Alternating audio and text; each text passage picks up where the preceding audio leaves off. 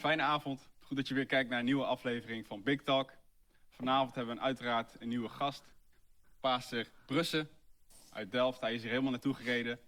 En eh, bedankt voor uw komst, nogmaals. Graag gedaan. Ja, Top. leuk om hier te zijn. Mooi zo, dat scheelt.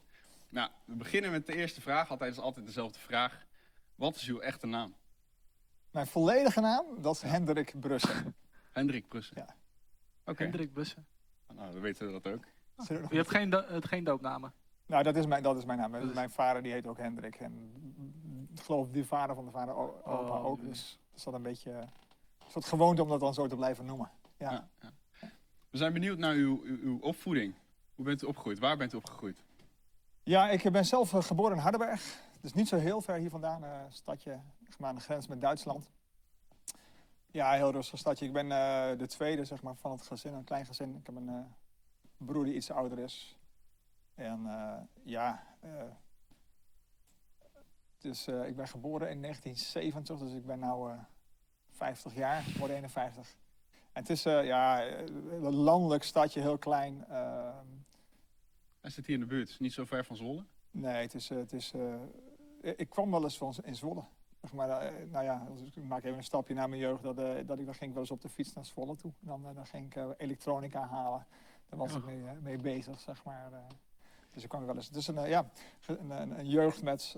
ja, ik ben, ik ben eigenlijk heel erg eh, goed opgevoed met heel veel vrijheid. Hoe waren uw ouders? Wa- Waren dat Mijn, mensen? ja, Waren mijn ouders die waren hervormd opgevoed. En wij gingen als, als jonge kinderen, het hele gezin naar de kerk. Dus dat was, en dan in Hardenberg, hervormde kerk. En ja, dat is, dat is heel lang zo gebleven. Gelovig opgevoed, een uh, christelijke school gezeten, een lagere school. En eh, nou, eh, kon goed leren. Dus eh, ja, er was eigenlijk niet veel probleem. Ik was, was wel een beetje de, de ondeugd van de, van, de, van, de, gezin, zeg maar. Ik haalde wel allerlei dingen uit. Zo, zo, eh, ik had een hele vrije jeugd, maar mijn ouders gingen op een gegeven moment, eh, ze gingen, eh, kochten een boerderij, ergens helemaal buitenaf. En dan gingen ze helemaal verbouwen, dus er zat een groot bos bij. Dus eh, ja, ik was constant in dat bos en eh, vuurtje fikken, en, eh, soms een keer brandde er iets wel af of zo. En dan, dat soort dingen, daar was ik wel mee, mee bezig. Dan, eh, maar die vrijheid kreeg ik ook, dus dat was hartstikke leuk. Ja. Ja, klinkt goed. Als we het sprongetje maken, u maakte zelf al een beetje een sprongetje naar jeugd. Eigenlijk, eh, u zei dat u goed kon leren, zei u dat? Ja, ja ik kon goed leren. Wij komen eigenlijk uit een familie waarbij wij eigenlijk, ik en mijn broer zeg maar, mijn oudere broer de eerste waren die, ja, die, die dan gingen studeren. Dus dat was, dat was heel uitzonderlijk. Wij, wij waren de eerste en nu is het helemaal normaal. Maar ja, wij gingen dan eh, uiteindelijk... Uw ouders hebben niet gestudeerd.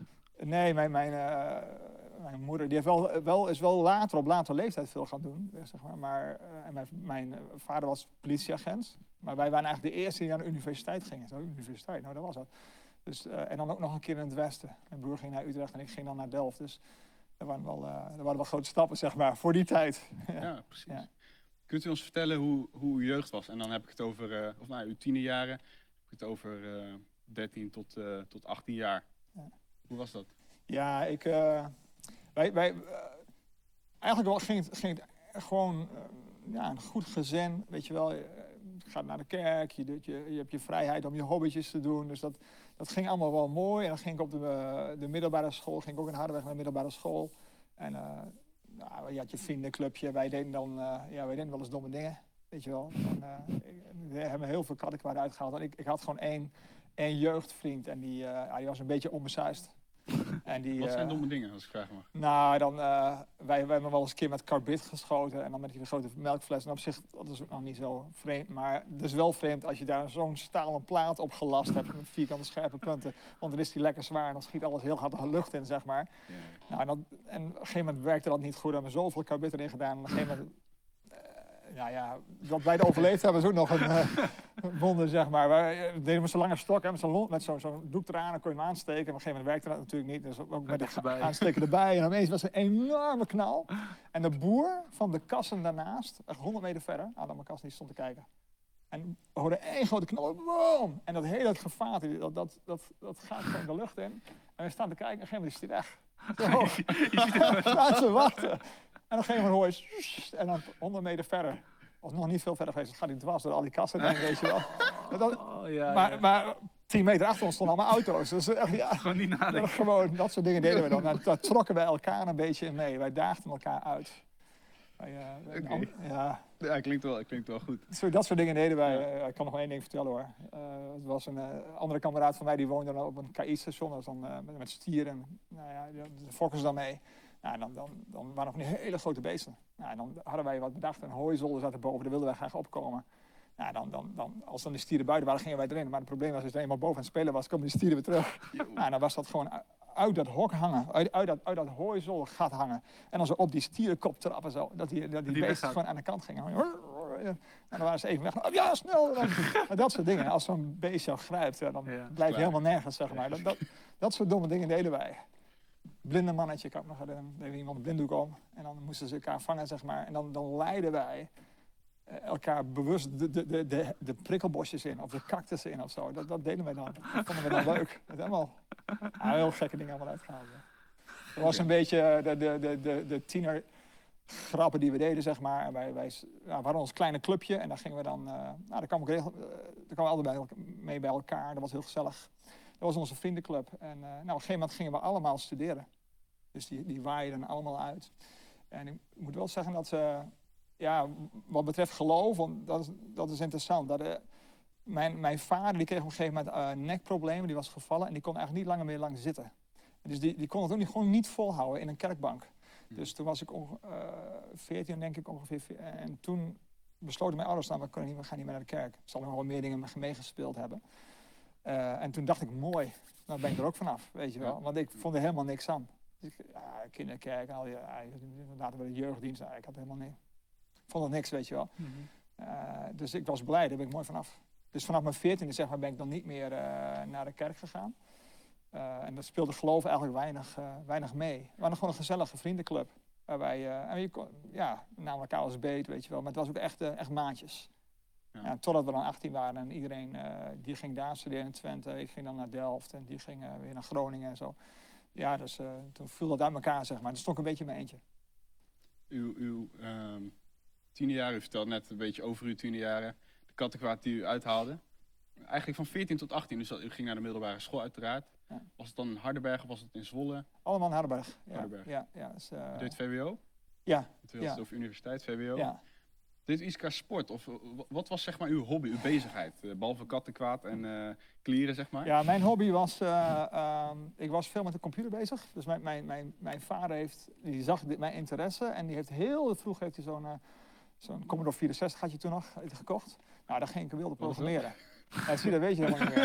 Wat is dat? Als, dus, eh, nou, ik ben heel, heel vroeg, ben ik eigenlijk toen dat helemaal pas opkwam, ben ik echt de elektronica ingegaan. Een andere vriendje van die kameradengroep, die, die deed elektronica, echt met schakelingen. Nou, dan gingen wij de meest wilde vreemde dingen maken, weet je wel. En dan eh, hele robotarmen bestuurd met softwareprogramma, alles gemaakt. Al, al, Met z'n tweeën. ja, ja, maar dan, dan bouwen we dat, joh. En dan, eh, nou, die dingen die, die kwamen, die, we liepen gewoon 20, 20 jaar voor, weet je wel. Ik had zelfs op de universiteit nog een, ja, dat is bizar. Op de universiteit kregen we zelfs nog een practicum. En dat had ik al lang gehad toen in, in jeugd. eh, 15 jaar eerder, weet je wel. Ja, ja. Zo, eh, ongelooflijk. Eh, We waren er heel verder in. En nou, nou, we trokken elkaar verder, zeg maar. Ja. Die was gewoon daar heel goed in, die was daar goed in. Dus dat was een beetje mijn hobby, programmeren en, eh, en een beetje met schakelingen doen. En eh, eigenlijk, ja, ik, ik was wel handig. Mijn vader die leerde me allerlei dingen dan. eh, met de, weet je wel, boren, eh, nou ja, eh, allerlei dingen die eh, solderen, noem Heel maar op. Handig. Ja, dus ik werd heel handig. Dus eh, dat vond ik wel heel leuk. Dus eh, ja, dan was mijn vader ook nog jager. Dus dan, eh, nou, dan had hij, had hij, had ik had een hele luchtbuk, zeg maar. Bent u wel eens mee wezen jagen? ja, ja, ja, ja. Ja, ja, prachtig. Kleine jongen tussen de mais. Ja, ja. ja nou, die, mensen die schieten dan. En dan, dan moet jij moet je die haas pakken of die konijn, dat konijn of zo. Dat, ik vond dat prachtig. Dat was hartstikke mooi. Later ook zelf geschoten natuurlijk. Tof. Ja, tof. ja, ik zal niet zeggen dat ik nog steeds doe. ja, U, ging, u, u ging studeren uiteindelijk? Ja. Was 18, 18 toen ging ja, studeren? ik was 18, ja. 18 universiteit, dat was niet in Hardenberg, dat weet ik wel. Nee, dat was dus helemaal in Delft. Ja. Ja. En dat was echt, voor ons was dat echt wel een stap hoor. Want mijn vader was voor zijn opleiding, ha- had hij, eh, want hij komt van de boer af hè, in, in, in eh, Gelderland. En voor zijn opleiding moest hij dan, voor de marechaussee, moest hij dan in, in Den Haag, in Voorburg. Oké. Dus hij had, en dat was de eerste van, die, van zijn, zijn familie, zeg maar, die dan echt zo ver ging. In die tijd moet je je Mm. voorstellen, hè, dat is bijna niet meer voor te stellen. Dan had hij een motor En dan reed hij en dan, hij vertelde nog wel eens dan... eh, ik, vertel het even om... om, om Ja, er, zit, er zit een punt achter hoor. En dan reed hij op de motor, reed hij s'nachts. En dan hoeft hij, zei, zei hij, maar twee keer licht te dimmen. Verder kwam hij niemand tegen. Van Oh, Oost naar West-Nederland. Zo was het in die tijd. En dan had je een korps, eh, politieagenten. En hij, er had, één had een auto, dat was dan de korpscommandant. En hij had een motor. En dat was het. De rest reed op de fiets. En toen zei hij altijd tegen mij, zeg, eh, zoon, je, je, moet naar het westen. Je moet dingen leren. Want hij zei, ik heb zoveel dingen, dat wist ik helemaal niet. En daar werd ik mee beetgenomen. En je, moet, je moet naar het westen. Je moet dingen leren, weet je wel. Eh, en dan, eh, nou, dus dat had ik in mijn hoofd. Nou, en ik wilde natuurkunde studeren. En, en dan, dat kon je op drie plekken doen. In Eindhoven, in, Twente of in Delft. En Delft stond dan, stond dan hoger aangeschreven. En het had ook een, een specialisatie waarvan ik dacht, dat is interessant, beeldverwerking. Nou, dan ga ik daarheen. Ja. Dus om mijn achttiende naar, eh, in mijn eentje dan naar, eh, naar Delft toe. Naar het westen. Ja, Jonge leeftijd. U ging daar wonen? ja, ja. Ging ja, daar wonen. ja. Dan breekt er een hele studententijd aan, als ik het zo eh, hoor, zeg maar. Ehm, ten eerste, ik, ik ga een aantal vragen stellen. Ehm, vond u het spannend om daar naartoe te gaan? Ja, ja, ja. En ehm, hoe, hoe verliep die tijd, zeg maar? Want ik- Ja. ik, ik- u komt echt uit het oosten van het land. U Ja. gaat naar het westen. Heel ander leven lijkt me. Kunt u ons meenemen? Ja, je kunt wel waar ik wegkomen. Het is, ik heb snel eh, dialect afgeleerd, maar nee, mijn ouders hebben me wel zo voorbereid. Ze hebben ons echt voorbereid. Hè. Mijn vader zag allerlei dingen. En, eh, dus wij, wij, wij praten dan gewoon ABN. Dat was al een groot verschil. Eh, en, maar wat erbij komt is, mijn ouders die, die zijn eigenlijk ten tijd dat ik daar in Delft zat, emigreerden zij naar Spanje. Dus die hebben gewoon een hele jaren in, eh, in Spanje gewoond. En toen ik Lekker. daar in, ja, dat was, wel, dat was best wel lastig, weet je. wel. Oh, Dus zat ik daar en toen weet ik nog wel dat, dat toen zij wegreden, eh, ze hebben ook een huis voor mij gekocht. Dat hebben ze heel goed, mijn vader heeft heel goed voor mij voorzien, zeg maar. Wow. In die tijd was het heel, zo'n flatje kostte als niks, zeg maar. Of was niks, maar goed, dat moet je Ja, natuurlijk wel hebben. ja, Maar die kochten ze toen. En met het idee van, nou, als je dan afstudeert, kan je weer verkopen en dan eh, heb je gewoon gratis gestudeerd. Nou, meer dan gratis. Dat is Ja. uitgekomen. Dat was ontzettend gaaf. Dus- Maar dan, was ik dus een eigenaar van een huis. En, en ik weet nog dat mijn ouders alles hadden geïnstalleerd. En ze reden weg. En ik stond vanaf de 14e hoog, stond ik zo te zwaaien. En ze reden weg en toen dacht ik, oeh, En nu dan? nu gaan zij naar Ja. Spanje. Ze zijn weg. En ja, en nu dan? En nu ik, weet je wel. En dat was wel even, eh even slikken, zeg maar. En nu woonde ook alleen? Verder geen huisgenoot? Eh, ik had wel twee huisgenoten, dus onderhuurders. Ja. Ja, ja. Dus eh, nou, dat ging een jaar goed, zeg maar. En eh, ja, niet met die huisgenoten, de huisgenoten ging wel goed, maar, maar toen kreeg ik wel problemen. Dat, eh, toen, toen, ik, ik had één andere studiegenoot, die was ook meegekomen vanuit eh Hardenberg. Ja. En die deed ook natuurkunde. En dat, deed, dat was ook nog een van die maatjes. En die, die deed, dat deed nog steeds alles samen mee. Maar na een jaar, eh ja, toen gooide hij een beetje, of ja, weet je, werd een beetje meer feest en een beetje meer, Mhm. ah, het komt allemaal goed. En dat deed ik ook een beetje mee. Maar het probleem was, hij ging opeens een switch maken, ging naar Groningen studeren. En toen zat ik, shoot, dan moet ik helemaal in mijn eentje, weet je. En dat was, wel, eh, dat was wel even een slikken. En toen heb ik de hele zomervakantie, nog wel leuk om te horen, heb ik de hele zomervakantie heb ik gewoon zeven weken, weken lang gewoon keihard doorgewerkt. Alles geleerd, geleerd, geleerd, geleerd. Alle tentamens die ik achterliep, allemaal erin gehaald. En ik gewoon, uiteindelijk gewoon alles gehaald, zeg maar. Dat, eh, daar, was, daar was ik heel blij mee.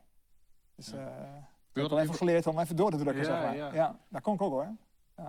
Ja, zo- zo klinkt u ook eh, als u universiteit studeert en u was op jonge leeftijd al eh, eh, ICT. programmeur. en, eh, maar oké, uw beste vriend ging dus, eh, of beste vriend, uw studiegenoot, Ja, Ging ja naar, was ook eh, mijn beste, een van mijn beste vrienden, absoluut. Ja. die ging naar Groningen. Ja. U kwam dus alleen te staan, u ging strijden voor uw studie, om het zo maar te zeggen. Ja.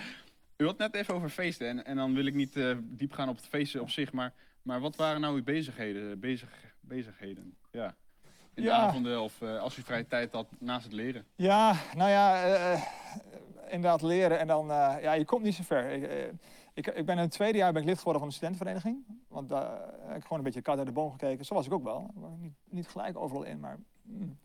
En dan, eh, nou ja, dus leuke studentenvereniging Sint-Jansbrug. Ah, ja, gewoon, elke donderdag gaan we een spelletje spelen. Gewoon gezellig met je club, weet je wel. Mhm. Ah, hartstikke leuk. Helemaal geen... Ja, er werd ook al alcohol gedronken en zo, maar ja, ik hield het altijd wel erg beperkt. Mensen gingen soms wel een beetje wiet roken, maar daar had ik helemaal geen zin in. Onze, onze jaarclub was wel aardig, aardig normaal, Netjes. zeg maar. Ja. Gewoon spelletjes spelen, gewoon een leuke tijd. Dat deden wij. Ja, en daarnaast had ik een hobby opgepikt van snoeker. Dus ik was een snoekercentrum vlak voor, voor ons huis. Ja. Ja, daar zaten we soms, daar steeds, werd steeds gekker. Op een gegeven moment ken je al die mensen en dan laden ze jou binnen en dan is eigenlijk al de tijd voorbij en het gebouw is al afgesloten, maar wij gaan er gewoon verder, weet je wel. Soms zit je tot twee uur s'nachts gewoon eh, snoeker te spelen. Helemaal gek natuurlijk. Wat is snoeker? Ken je dat? Die hele grote groene tafel, b- biljartspel, Oh, ja, sport. Weet je, ja. met die, al die 15 rode balletjes. Ja, ja, waar je nog ja, uren ja. over kan praten. ik heb een keer met arm in arm met de wereldkampioen gestaan. Dus eh, een foto van gemaakt. Ja? Zo, ver- zo ver waren wij. We waren helemaal vol van, zeg maar. Ja. Dus eh, ja, daar ging ook heel veel tijd. Er zijn heel veel studiepunten in die snoekertafel gaan zitten. Helaas, ja. Bent u iemand die, ehm, die, die los is gegaan in zijn studententijd? Of bent u iemand die, het kan ook door opvoeding zijn, dat u wat behoudener bent? Ja, ik eh, ben wat, echt wel behouden en opgevoed. Want ik, ik, ik zei ook van, ik heb, we hebben op mijn veertiende ging ik niet meer naar de kerk. Maar altijd wist ik van, er is een God, weet je wel. En ik dacht ook altijd dat ik christen was. En eh, ik kan wel zien dat ik, eh, als ik bepaalde beslissingen had gemaakt die mijn leven hadden echt, wel- echt wel, nou ja, weet je wel, waar ik echt, echt, dan was het echt fout gegaan. Nou, die heb ik gewoon niet gemaakt. Want dan dacht ik, nee, dat moet ik niet doen. Weet je, wel. dat was iets van, Mhm. dat, dat hield me tegen. Van, ik, moet niet, eh, ik, ik wil niet zo losgaan. Ik weet nog wel dat mijn jaarclubgenoten een keer naar carnaval gingen in, in, in, in Limburg. Ik geloof dat we in Maastricht zaten. Nou, met z'n allen heen. Ik had al niet zo heel veel zin in. Nou, dan kwam ik daar. En eh, nou, eh, weet je allemaal. eh, en op een gegeven moment, we liepen dan, gingen dan door die stad heen. Ik kende dat allemaal helemaal niet, joh. En een paar van de jaarclubgenoten kwamen daar vandaan. En, en nou, op een gegeven moment hadden ze een Polonaise. En die ging dus, al die mensen op Ladderstad, en die ging dus het kerkgebouw in. Ik denk katholieke kathedraal of een kerkgebouw. Ging- daar ging in. Ik dacht, nou, dat kan toch niet? Dit is, dit is een kerk, joh. Dat is van God. Ja. Ja, en toen was er iets in mij, iets in mij zei, en dat was gewoon, dit is misschien wel twee uur s'nachts geweest, hè. Ik kapte mee. Dit kan niet. En ik draai ik zo om, ben zo, ik heb, ben zo weggelopen. En eh, het was hartstikke koud. Helemaal sneeuw, heel steenkoud. En ik wilde terug naar de trein en dat kon dus niet, dus ik heb een tijd gewacht.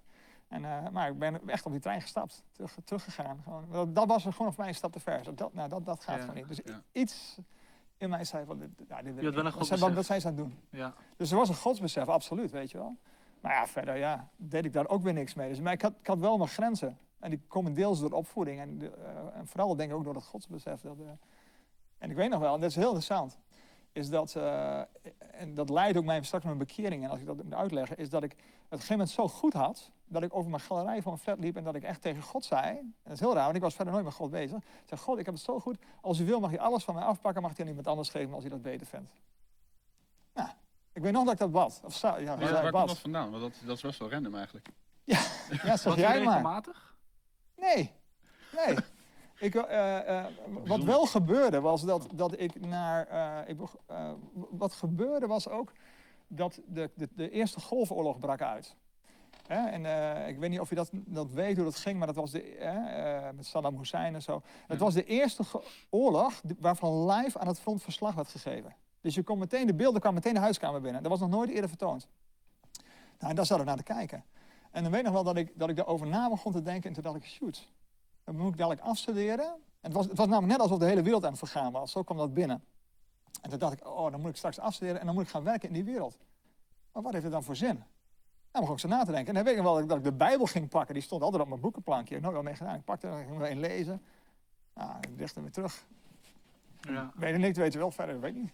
En ik, en toen keek ik naar programma's van de EO, keek ik opeens naar en toen dacht ik, wauw, wat een enthousiaste diensten. God, dat wil ik eigenlijk ook, man. Nou, daar deed ik verder weer niks mee.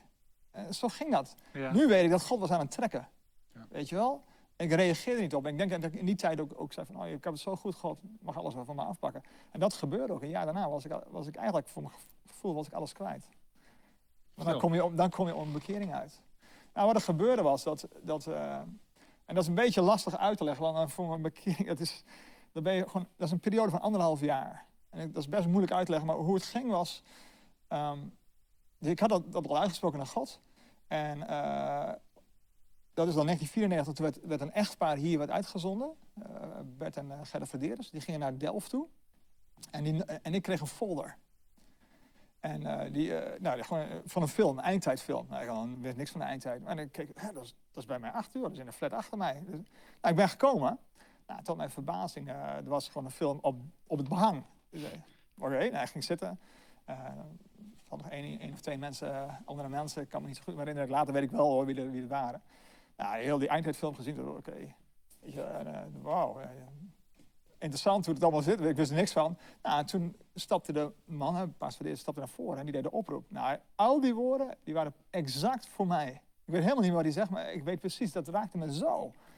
En nou, dan denk je dat je tot bekering komt. Nou, ik kwam niet tot bekering. En ik heb altijd gedacht dat hij niet gevraagd heeft of ik tot bekering wilde komen. Dat heeft hij wel gedaan. Maar hij zei, nee, maar je zei dat je al bekeerd was. Maar dat is wat ik dacht. Ik dacht dat ik een christen was. Omdat ik ook zo met een christelijke opvoeding heb gehad. Een hele goede opvoeding, weet je wel. Nou, oké, wat er gebeurde was, ik kwam af en toe naar de kerk. En Naar kwam zijn ik- kerk. Ja, eh, zondagavond kwam ik dan bijvoorbeeld, en dan weet ik nog wel, dan keek ik, eh, oh, de enige. Zeg, eh, wie was er zondagochtend dan, weet je wel? Ja, ja, niemand.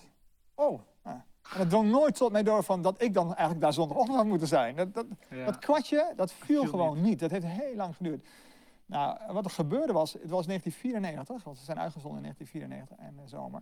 Dus ik spreek over najaar 1994. Dus aan de ene kant begon ik af en toe zijn, de kerk te bezoeken en dan hoorde ik allerlei dingen. Aan de andere kant reageerde ik daar niet goed op, zou je kunnen zeggen. Ik, ik maakte niet de beslissing om God echt te volgen. En toen kreeg de duivel vat. En wat ik nou ga vertellen is heel, dat is heel extreem, maar dat heb ik echt zelf meegemaakt. Ik begon dus in die tijd begon ik de duivel veel sterker te ervaren dan God. Wat ik heb gezien is, eh, ja, ik, ik werd helemaal depressief.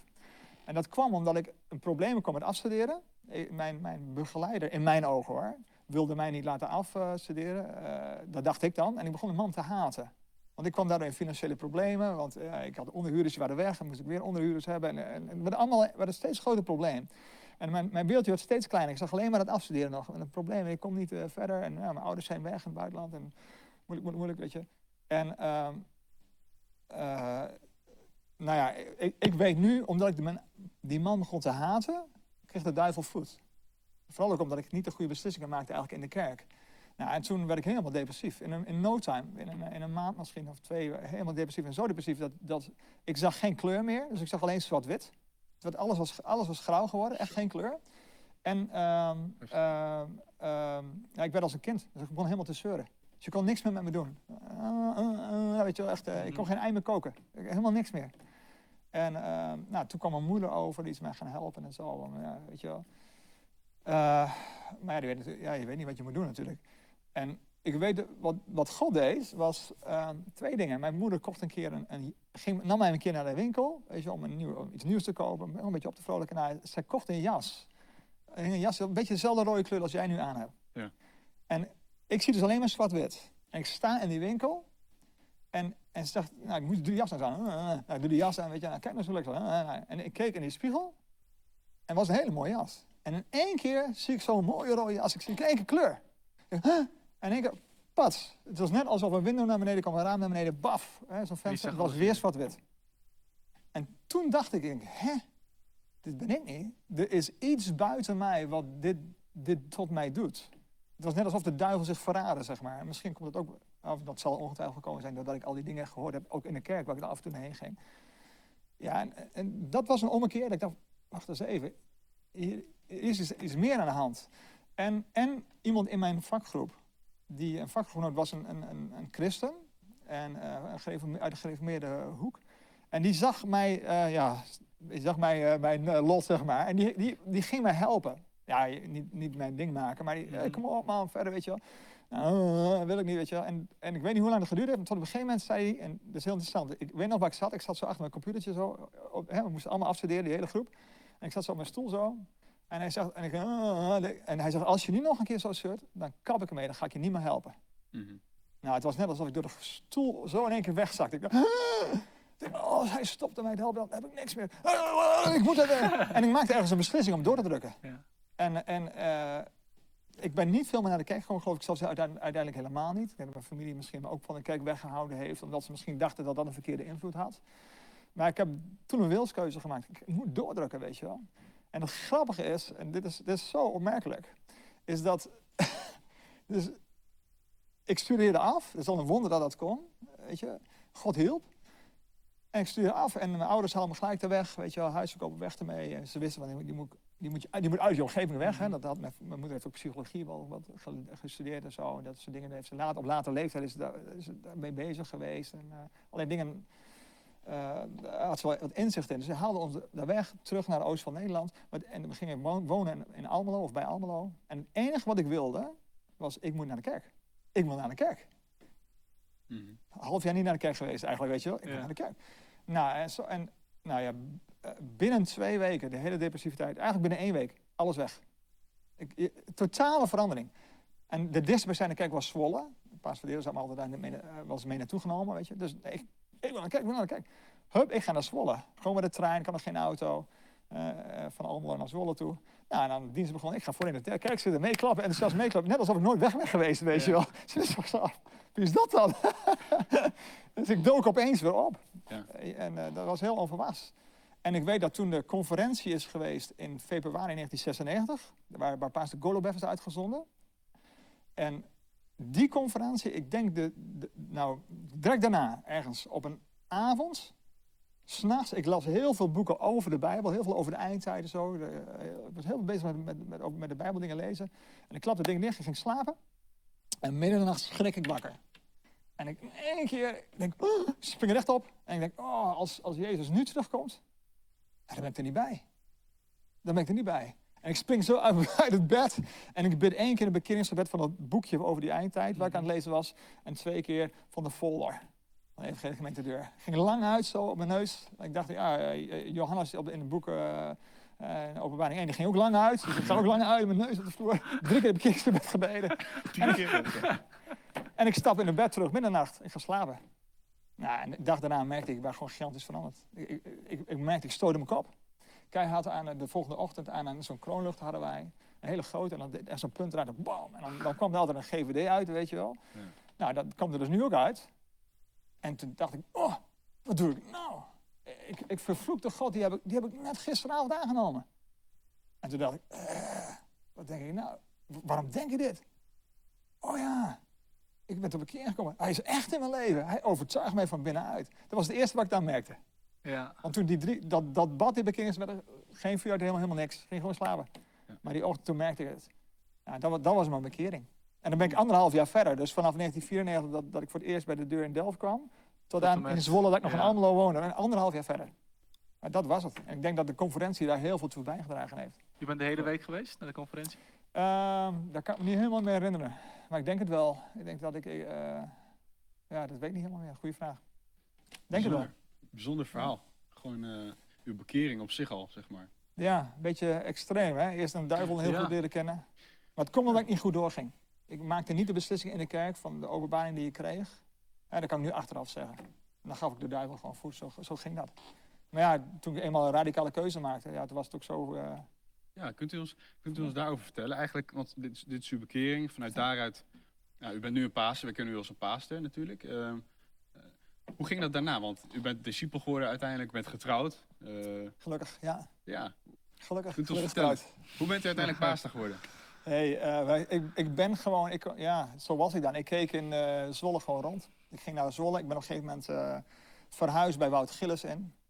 Die die stond toen dat ik bij hem in huis kwam. Dus dan ik eigenlijk een soort jongenshuis met z'n tweeën. En nou ja, ik, kreeg, ja, ik, ik keek gewoon in de kerk. Ik denk, oké, wat is de nood? Oh, er is geen straatdrama. Op een of andere manier heb ik gedacht, nou laat ik dat dan maar gaan doen dan.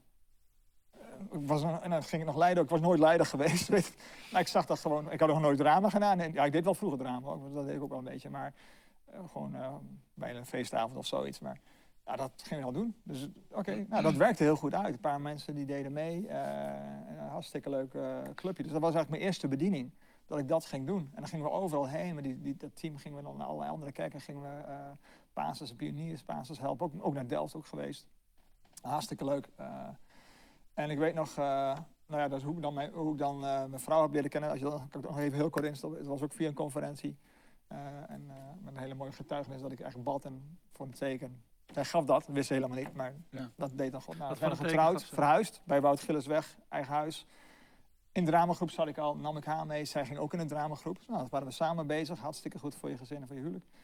Nou, uh, mooi samen betrokken. Nou, en toen kwam van dat kwam eigenlijk uh, een indeling in de kerk in huissamenkomstgroepen. Dus gebeds, of, uh, dat je gewoon met die mensen eh, ze bedient, weet je wel. bijbelstudie, nou, allerlei dingen kon je mee doen, leuke dingen doen. Nou, dat, toen heb ik heel erg getwijfeld. En op het allerlaatste heb ik het toch nog opgegeven. Nou, dat was goud waard. Want het ging hartstikke leuk. Heel veel geleerd. Om, om, om die, en die huissamenkomstgroep heb, ik, huissamenkomstgroep heb ik gehouden tot aan het uitsturen zelfs toe. Dat, wij vonden het gewoon hartstikke leuk. Ik heb nooit meer gestopt. Nou, dat was heel leuk. Dus dat had ik dan al. Dus was dramaleider, huissamenkomst. En uh, nou, uiteindelijk dan, uh, werd je dan koffiehuisleider. In die tijd eh, als je dan koffiehuisleider was, dan wist je eigenlijk als het goed deed, een half jaar ben je uitgezonden. Ja. Nou, en dat, dat was dan ook in mijn geval zo. Dat, ja, dan probeer je paasje zo druk mogelijk te maken. En dan, ja, dat, nou, we hebben dat ook gedaan, weet je wel. Waar ging je naartoe als eerste? eh, toen we uitgezonden zijn, eh, we zijn als eerste uitgezonden naar Al van der Rijn. Dus, eh, en daar hebben we gepioneerd, drieënhalf jaar lang. Ja. Enthousiaste club bij elkaar gekregen. Dat ging heel goed. Dat was heel, dat was heel mooi. Vrij snel dat er toch een doorbraak kwam met vooral jongere mensen. Die enthousiast waren voor evangelisatie. Eerst half jaar niks hoor. Dus ja, nou niks. Er kwam wel een paar mensen. Maar de, ja, eentje ging later weer weg. Eh, eh, ja, eerst hadden we een meisje, was een beetje rebels. Maar die, die was ook rebels genoeg om te blijven zitten in een eentje. Weet je, dat was ook het voordeel. Ja. Maar goed, daar kon je eigenlijk niet veel mee verder. En eh, op een gegeven moment kwam er iemand tot bekering. Die was eh, familie van een ander uit Breda.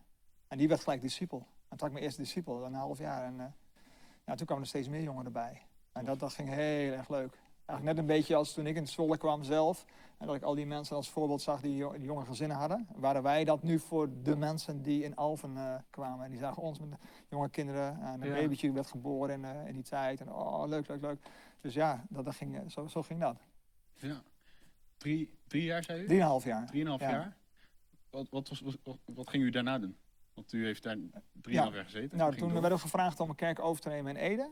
Ede. Dus dat hebben we toen gedaan, twee jaar lang. Kinderen al geboren? Wat zeg je? Ki- Kids al geboren? Ja, die waren allebei geboren. Ja, eentje is in Zwolle geboren, Amber. En eh, Samuel is in, eh, in het Oostveld, in het Pioniersveld eh, in Alphenrij geboren. Ja. In Ede heeft u dus gezeten? ja, twee jaar lang. Overgenomen van pastor Houtman destijds. Oh ja. Dat was zo'n soort, soort, soort eentje die ging destijds, de pastor Major die ging toen naar... Ja. Eh, ja, naar Peru. Ja, dat was een soort schuifsysteem. Mm. En toen kregen we in één keer een kerk van, eh, ja, die waren, zaten mensen in de kerk die waren al langer bekeerd eh, dan ik gered was, zeg maar. Dus dat was een hele stap om dat te leren. Ja, Ja. twee jaar gedaan. Ja, en toen in China. Dus we werden gevraagd om, om zendeling te worden in China. En dat is heel interessant, want ik kan mooi vertellen hoe God je voorbereidt in je roeping. Is we, we kregen twee kerken in China tegelijkertijd. Ehm, ja, eh, ehm, pastor René Bramels, die, die zat daar toen. En onder zijn eh, eh, bediening was er een kerkje bijgekomen. Hij zat in Guangzhou. Dat was een kerk van familie. Mensen die zeiden, kun je ook hier komen? Dongguan was dat. Oké, goed. Nou, daar kwam een kerk uit voort. Eh, dus je had twee kerken. Dus wij namen eerst de Dongguan-kerk over. Maar al heel, heel snel daarna ook de Guangzhou-kerk erbij. En waren wij de enige zendeling van de hele fellowship daar. En het is heel interessant, want je ziet hoe God je voorbereidt. Is de kerk in Dongguan was een hele kleine kerk met jonge mensen. Dat leek heel erg veel op Alphen aan de Rijnkerk. En de kerk van Guangzhou was ongeveer 50 mensen met veel oudere mensen. En dat leek heel erg veel op de Ede-kerk. Ja. Dus ik kon echt zeggen, oh, we hebben net genoeg ervaring om, om dit een beetje aan te kunnen, zeg maar. Nou, dat is gewoon voorbereiding van God. Nou, en hebben we dat eh, zes jaar lang hebben we daar gezeten, zeg maar. Maar twee kerken tegelijk. Dat hebben we 2,5 jaar gedaan. Ja, En dan ga 2,5 je jaar lang. zondag, zondagochtend ga je eerst bij de ene kerk preken, dan bij de andere kerk en dan zondagavond weer bij de ene en weer bij de We hebben eh, van allerlei schema's eh, gehad en geprobeerd. Wij preken in ieder geval vijf keer per week. Eh, en dan eh, in ieder geval drie keer op een zondag. Maar ook evangelisatie. Zondagmiddag ook nog evangelisatie met zo'n kerk. En dan, eh, dan was het maandag alweer de evangelisatie geloof ik bij de andere kerk. Want je kan maar in één stad wonen. Dan moet je daar weer evangeliseren. En dan, en, dan, en dan dinsdag moet je weer naar die andere. En dan woensdag weer. Zo ging het heel. En dan donderdag nog een keer ergens. En dan weet ik niet meer we vrijdag deden of zo. Maar dan, en dan zaterdag hadden we dan weer koffiehuis gezamenlijk. Eh, of, het- of de ene kerk kwam van kwam ze ook aan het Dongwon of andersom. En dat was heel erg goed, want daardoor leren ze meteen eh, die visie voor wereldevangelisatie. Van, oh, we moeten niet in deze stad alleen zijn, we moeten ook die gaan helpen. En, eh, Ja. en dan zag je, hoor je weer wat daar gebeurde en, en dan bracht meteen die visie erin. Dat was heel mooi. Werd u gevraagd voor China? Ja, wij zijn gevraagd, ja. ja. En geen moment eh, twijfel gehad? Nou, wij zijn altijd wel heel erg geïnteresseerd geweest in, in wat er met zendelingen gebeurde. Dus als die zendelingen in de conferentie er waren, gingen we altijd met hem praten, nodig ze uit, weet je wel. Uh, in Angèle Brabant, allerlei zendelingen vonden we gewoon heel interessant. Maar verder niet echt iets gedacht hoor. Ik heb wel ooit een profetie gehad dat iemand, eh, een Amerikaanse paarse kwam en die zei eh, van nou ik zie jou gewoon in, een, eh, in hele grote steden en dan, en dan met heel veel donkere mensen. Donkere mensen. Ja, donker. Maar alle Chinezen hebben zwart haar, zeg maar. En Oh, een ja. supergrote stad. Dus achteraf, nu snap ik wel een beetje van... Oké, dat, dat is waarschijnlijk wat hij toen bedoelde. Maar dat hebben wij nooit zelf... Oh, ik wil eigenlijk naar China gaan of zo. Dat, nee, ik vond het wel heel erg interessant. We praten met die mensen. Ja, ja je Ja. bidt ervoor, weet je, hou wat contact. Ja. En toen u gevraagd werd, zei u direct ja? Eh, eh, volgens mij eh, heb je, krijg je niet veel bedenktijd. ik weet het niet meer. Volgens mij hebben we heel snel ja gezegd. ik denk dat ik gevraagd heb van hoe, wanneer moet u dat weten? En dan nou, wel heel snel. Zo, weet je, zo, zoiets. Ik weet niet meer precies hoe het gegaan is, maar we hebben daar gelijk al, ik denk in- binnen een uur of zo, denk ik zoiets. Ja, gewoon ja Wie, zei dat la- laatst nou? Pastor Major, die zei volgens mij... eh, sommige mensen doen langer over hun vakantie boeken dan zeg maar... ja, eh, besluiten. ja. dan dat eh, me- mensen in de kerk besluiten om naar China te emigreren. Ja, ja, ja, dat, is, eh, dat Ja. was ook bij ons zo. Als, Ja. u, u klinkt alsof u een boek kunt schrijven over China. Daar hebben we helaas geen tijd voor. nee, ik snap het helemaal. Ja. Kunt u ons... Ik, ik, ik zou wel graag willen weten... Naar, of, wat is nou echt een hoogtepunt in China geweest? Een- er zijn heel veel hoogtepunten, maar eh, het hoogtepunt vond ik zelf echt dat we de eerste conferentie hebben gehad. Oh ja. En, dat we dus, eh, en, en daarvoor dat we echtparen uit konden sturen. Dus voordat de conferentie was, hebben we al, waren al twee echtparen uitgestuurd. Toen was Pastor de, Leidelmeijer destijds nog in een rally. Dus we hadden een landelijke rally. En die werd steeds groter. Er waren ook meer zendingen uiteindelijk. Op een gegeven moment had je 17 kerken. Eh, en, en het mooiste vond ik zelf echt dat, dat, die, dat we die conferentie hebben gezien. Dus de allereerste conferentie, dat dat geboren werd. En dat hadden we al lang als visie hoor. Eh, die, die nationale rallies die we al hadden. Elke half jaar, die had Pastor Brabants al. Ik wist van op den duur, dat moet ooit een keer een conferentie worden. Maar we hadden nooit gedacht dat het zo snel zou gaan en dat het allemaal zo Mm. snel zou groeien. Maar dat was echt heel mooi. En ook op die conferenties toen weer een echtpaar uitgestuurd. Dus dat was echt prachtig. Ja, mooi. al die Chinezen bij elkaar. Het heeft me heel veel kopzorgen gekost hoor. Want alles is natuurlijk geheim. En dan moet je, hoe moet ik dit doen? Pff, dat, was, dat was altijd. Hoop geregeld. Ah ja, maar gewoon dat, dat je niet. Hier hang je gewoon uitgangbord en je gaat folders uitdelen. En dat, ja, dat ken dus niet. En hoe moet ik het dan doen? En dat was altijd een strijd. Oh jongens, hoe kan ik opwekking krijgen? Maar er moet wel geheim blijven. Eh, Je bent gewend om heel groot dingen te organiseren maar dat- Ja. en, en bekendheid te geven. Maar dat kan dus net niet. Dan moet je altijd zoeken wat is nou wijsheid. En, maar dat was echt een hoogtepunt. Ja. Zonde, heel mooi. Ja, echt, dat lijkt me echt een heel mooie, hele mooie mijlpaal. Van, ook voor de Chinese fellowship natuurlijk. Ja. Het eerste, Ja, mooi dat u dat heeft meegemaakt. ja, het is echt een voorrecht hoor. Ja. U kwam terug in Nederland na zes jaar, zes Ja, jaar? ja. Zes jaar kom je terug eh, naar Delft. Ja, Daar Ja. zit u nu nog steeds. ja, ja. Eh, kunt u ons vertellen hoe uw ontvangst daar was en, en eigenlijk eh, tot nu, zeg maar. eh. Wat is er in die tijd gebeurd tot nu? Ja, wij zijn nou ja, ik kan me de hele ontvangst niet meer zo goed herinneren, maar ik weet wel dat we heel hartelijk ontvangen, eh, ontvangen werden. En ik vond het ook heel leuk, want ja, ik kwam eigenlijk oorspronkelijk uit Delft. Ik, eh, daar kwam ik voor het Mhm. eerst in de kerk. Dus ik heb die mensen ook binnen zien komen. Ik kende wat van die mensen. Ik vond het hartstikke leuk. Ehm, dus we, ja, dat, dat ging voor mij. eh, Kijk, je- in, in zendelingentermen heb je de, de missionary reverse culture shock. Als je heel lang in het buitenland hebt gezeten, een echt een raar buitenland, zoals China, wat heel anders is, dan krijg je echt een shock als je terugkomt. Ja. Want jij bent heel erg veranderd en Nederland is nog net zoals het vroeger was. Dan denk je, ik ken dat nou, weet je wel. Nou, dat hebben wij ook gehad. Ik ben er heel snel overheen gegaan, want ik, ik heb er heel veel over gelezen. Ik heb er echt op voorbereid. En eh, ja, zo ben ik ook. Nou, laat gewoon los op verder, weet je wel. Oké, ik ben ook een Nederlander, dus dat hielp mij wel. En dan eh, ja, probeer die kerk weer, eh, weer verder te krijgen. Dus eh wij zitten er nu zeven jaar. Dat is eigenlijk langer dan we ooit op een kerk gezeten hebben. Ja? Dus, dat is Oh. wel, dat is, dus je, kan, je komt er ook wel weer wat nieuwe dingen tegen. En, ja, nu is het natuurlijk coronatijd, dus dat is ook een beetje dat is ook heel apart. Maar het, was, eh, het heeft een hele goede tijd gehad. Eh, we hebben een, eh, heel- we hebben, ja, we hebben een beslissing gemaakt van ingeloven om meteen een echtpaar uit te sturen. Eh Jan-Luc en Talina naar, eh naar Alkmaar destijds. En dat bracht wel een enorme doorbraak. Want mensen begonnen daardoor te denken, wauw, weet je wel, dan, dan kan ik het ook. Wow, weet je wel. En dat, dat, dat deed echt iets heel goeds tot de kerk. Ja. En nou, het was wel alleen geloof, weet je wel. Eh, eh, en ja, we, wij, dat, we proberen echt gewoon, weet je, dat, en de, de, opwekking die wij gezien hadden in China, ja, dat wilden we eigenlijk, weet je wel. Dat, dat, Delft. hey, jongens, dat kan ook in Delft. Ja, en het, is natuurlijk een hele andere cultuur hè, in Nederland en, en het is niet te vergelijken, maar, maar dat zit in je hart. Van dat Ja. kan, weet je wel. Dus nou, dat, Geloof ik. dat, dat geloof ik nog steeds, weet je. Dus dat is, eh, met die, dat vuur en de sasma kan gewoon terug. En ik hoop dat ik dat nog steeds heb, weet je. Eh, en eh, ja, eh, en we vonden gewoon een hele getrouwe kerk. Echt een hele, eh, Delft heeft een hele grote kern met hele getrouwe discipelen. Het is niet een hele kleine kern, kern maar een hele grote kern. En eh, al- bijna al die mensen van het begin, toen ik er ook was, ik was eigenlijk de tweede, die, eh, die, die, die zijn er allemaal nog steeds. Dat is echt heel gaaf. En Die allereerste, Michael, die, die zit nu aan onze kerkraad, die is er ook nog steeds. Ja. Dus dat is, dat is echt heel mooi. En Ja. al die mensen hebben nou getrouwd en kinderen gekregen en zo. Dat is echt een enorme zegen. Dat is een hele, hele getrouwe kern. Ja, Goh, echt leuk. mooi.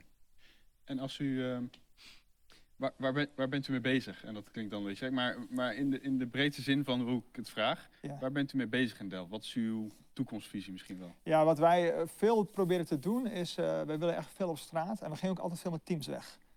Eh, nou is dat met de coronatijd een beetje moeilijk en we mochten in Delft eigenlijk weinig, nou we mochten helemaal niks doen op straat. Maar recentelijk hebben ze ons toegestaan om een vergunning te krijgen en dan weer met muziek op straat te staan. Dus dat hebben we drie keer gedaan.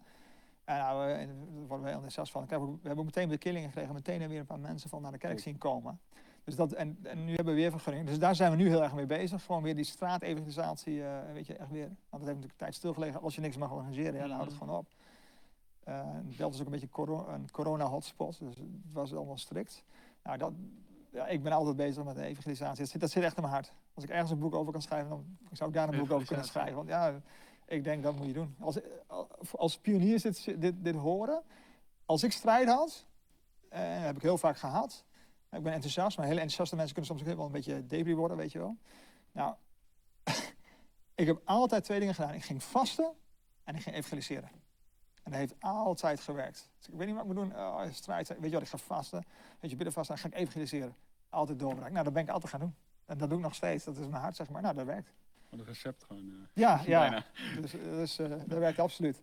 Ja. Dus eh we zijn heel veel bezig om eh, nieuwe mensen te, binnen te krijgen op allerlei manieren. En een van de manieren is dan, we hebben een gebedslijn opgericht. En dat is een, een gratis nummer, en waar geld voor adverteert, kun je bellen. En dan, eh, nou, dan wordt er voortaan voor je gebeden. Dan krijg je vrijwillig aan de lijn, dat zijn wij dan, weet je. En dan door de hele week heen, elke avond, dus ook zelfs zondagavond, is dat beschikbaar. En dan bellen mensen op. Nou, dan hebben we verschillende mensen tot bekering zien komen. Eh bidden voor genezing door de telefoon. Mensen bidden voor, of, voor alle redenen bellen ze ons dan op. Dat is echt een nieuw ding. En dat, Mm. eh, nou, dat, dat, dat werkt wel redelijk. Dat is wel heel leuk om te zien. Soms komt iemand tot bekering. Eh, we hebben een, een, een contact met mensen die eigenlijk via de gebed zijn ook weer binnengekomen zijn. Die ook een paar keer alweer naar de kerk gekomen zijn. Dus ah, leuk ding. Je probeert wat, weet je wel. Dus ik, ik ben altijd bezig met nieuwe dingen. Van, oh, laten we iets nieuws proberen. En eh, wat we heel graag willen eh, is, eh, ja, dat is een beetje de visie. Twee dingen. Hè. We hebben een, een oudere kerk nu waarbij de kinderen opgegroeid zijn in de kerk. Hè. Een beetje van je, ja, nog niet jullie leeftijd, maar het komt er allemaal wel aan. Hè. 16, 17, 18. Mhm. En we willen heel graag met die mensen verder. Dus we zijn veel moeite aan het steken in de tieners en de jongeren. Om met hen wat te doen en hun in bediening te krijgen. En verschillende zijn al in bediening gegaan. Dus dat werkt al aardig goed. Dat is heel leuk om te zien. En heel blij met die tieners. En wat, we ook, ja, wat ik zelf ook wil, is weer een, eigenlijk een opwekking zien op de universiteit. Want als je kijkt hoe Delft begonnen is, 25 jaar, jaar geleden of meer dan 25 jaar geleden. Het begon met studenten. Ik was er één van. Ja. Weet je, en, en dat is een. En na, na op een gegeven moment ging het wel of een beetje de deur dicht ging, weet je wel. Dat is, dat is ja, nauwelijks studenten. En eh, eh, dat wil ik heel graag terug. Ik denk, verdraaid. Weet je wel. Dus ik ben aan het bidden en ik, dat is ook een beetje een visie van, nou, laten we weer opwekking krijgen op een of andere manier onder die studenten. Nu kunnen we niet, niet veel doen hoor, vanwege de corona is er bijna niemand op de universiteit. Ja. Maar we willen wel heel graag die opwekking weer terug. Als we dat toen deed, 25 jaar geleden met een groepje studenten, Dan nu kan ook. nou weer. Precies. Ja. Eigenlijk voordat we willen afsluiten, we vragen altijd eh, de gast om tot ons, maar ook tot de kijker, luisteraar, eh, een bemoediging te spreken. En al is het uw levensmotto, eh, waar u naar leeft, of gewoon iets wat nu opkomt. Ja. Nu je dat zegt, het eerste wat bij mij opkomt is eh, geef nooit op. Nooit opgeven. Mijn vader die zei altijd, eh, als je nog vecht, wie nog vecht, heeft nog niet verloren. En dat heeft hij bewust, heeft hij dat echt ingebracht. Hè. Nooit opgeven, altijd door blijven vechten. Ja, wie vecht, heeft nog niet verloren. En ja, zo, ik denk dat het heel mij, mij heel erg geholpen heeft. Dus ik, ik ben echt dan iemand die zegt, nou, oké, alles of niks. Weet je wel, dan gaan we gewoon nog alles achter je laten. China of zo, weet je wel. Alles of niks. Want het leven is zo kort. En, en, maar dat werkt heel goed. Dus ik, ik, denk altijd, oh jongens, straks ben ik 80 en 90. Oh, steeds minder tijd, weet je wel. Ga er gewoon voor. En, dan, en dan, dan komt het allemaal wat in perspectief, wat beter perspectief. En uiteindelijk, je leeft voor de eeuwigheid. Dus al die strijden wat je hebt, hey, kom, ga er helemaal voor, weet je wel. Gewoon door blijven vechten, dan komt er, een, eh, komt er weer een doorbraak. Nou, dan ga je vast evangeliseren. En dat werkt gewoon altijd. Dat heb ik echt in mijn leven eh, gewoon gezien. En, eh, dus dus eh, Corrie ten Boom zei altijd, het beste komt nog. Weet je. Maar dat is ook echt zo. Dus je, je, je moet echt die opwekking kunnen zien. Gewoon ge- in geloof vasthouden. Je ziet maar een hele zaal vol mensen. Ik op een dag komen allemaal mensen. Weet je, ik, ik, ik zei van het begin af aan in China ook, op een dag wordt het een conferentie. Verder nooit over nagedacht wanneer, weet je wel. Maar het, ging, het, het kwam er dan heel snel. Ik zei in Alphen altijd, kom op, een dag dan, eh, dan weet je, dan gaan we mensen uitsturen naar het buitenland. En weet je wel. En het Delft ook op een dag, God gaat over doorbraak geven. En dat is echt zo. Als je doorgaat voor God, de Bijbel zegt, God heeft eh, hele mooie dingen. Weet je, mooier dan je kan voorstellen. En toen ik zo depressief was, weet ik nog dat ik, dat ik zo begon te denken. Dat is, toen ik half bekeerd was, dan, op een dag dan is het allemaal voorbij en dan, dan wordt het mooi, weet je wel. Mhm. Nou, dit is ook zo gebeurd. Nou, was maar half bekeerd en dat werkt al zo uit, weet je wel. Laat staan dat als je echt voor God gaat, dan, eh, ja, dan, is, eh, dan is geen muur te hoog, spring je overheen. Ja. Heel mooi. Ja. Pastor, heel erg bedankt Graag gedaan, voor om tijd. te doen. Heel inspirerend. Wij, eh, wij gaan zo meteen zeker nog even napraten. Leuk. De mensen thuis, ook weer bedankt voor het kijken. Volgende week hebben we weer een nieuwe aflevering met een nieuwe pastor. En voor nu, eh, geniet van je avond. Tot de volgende keer.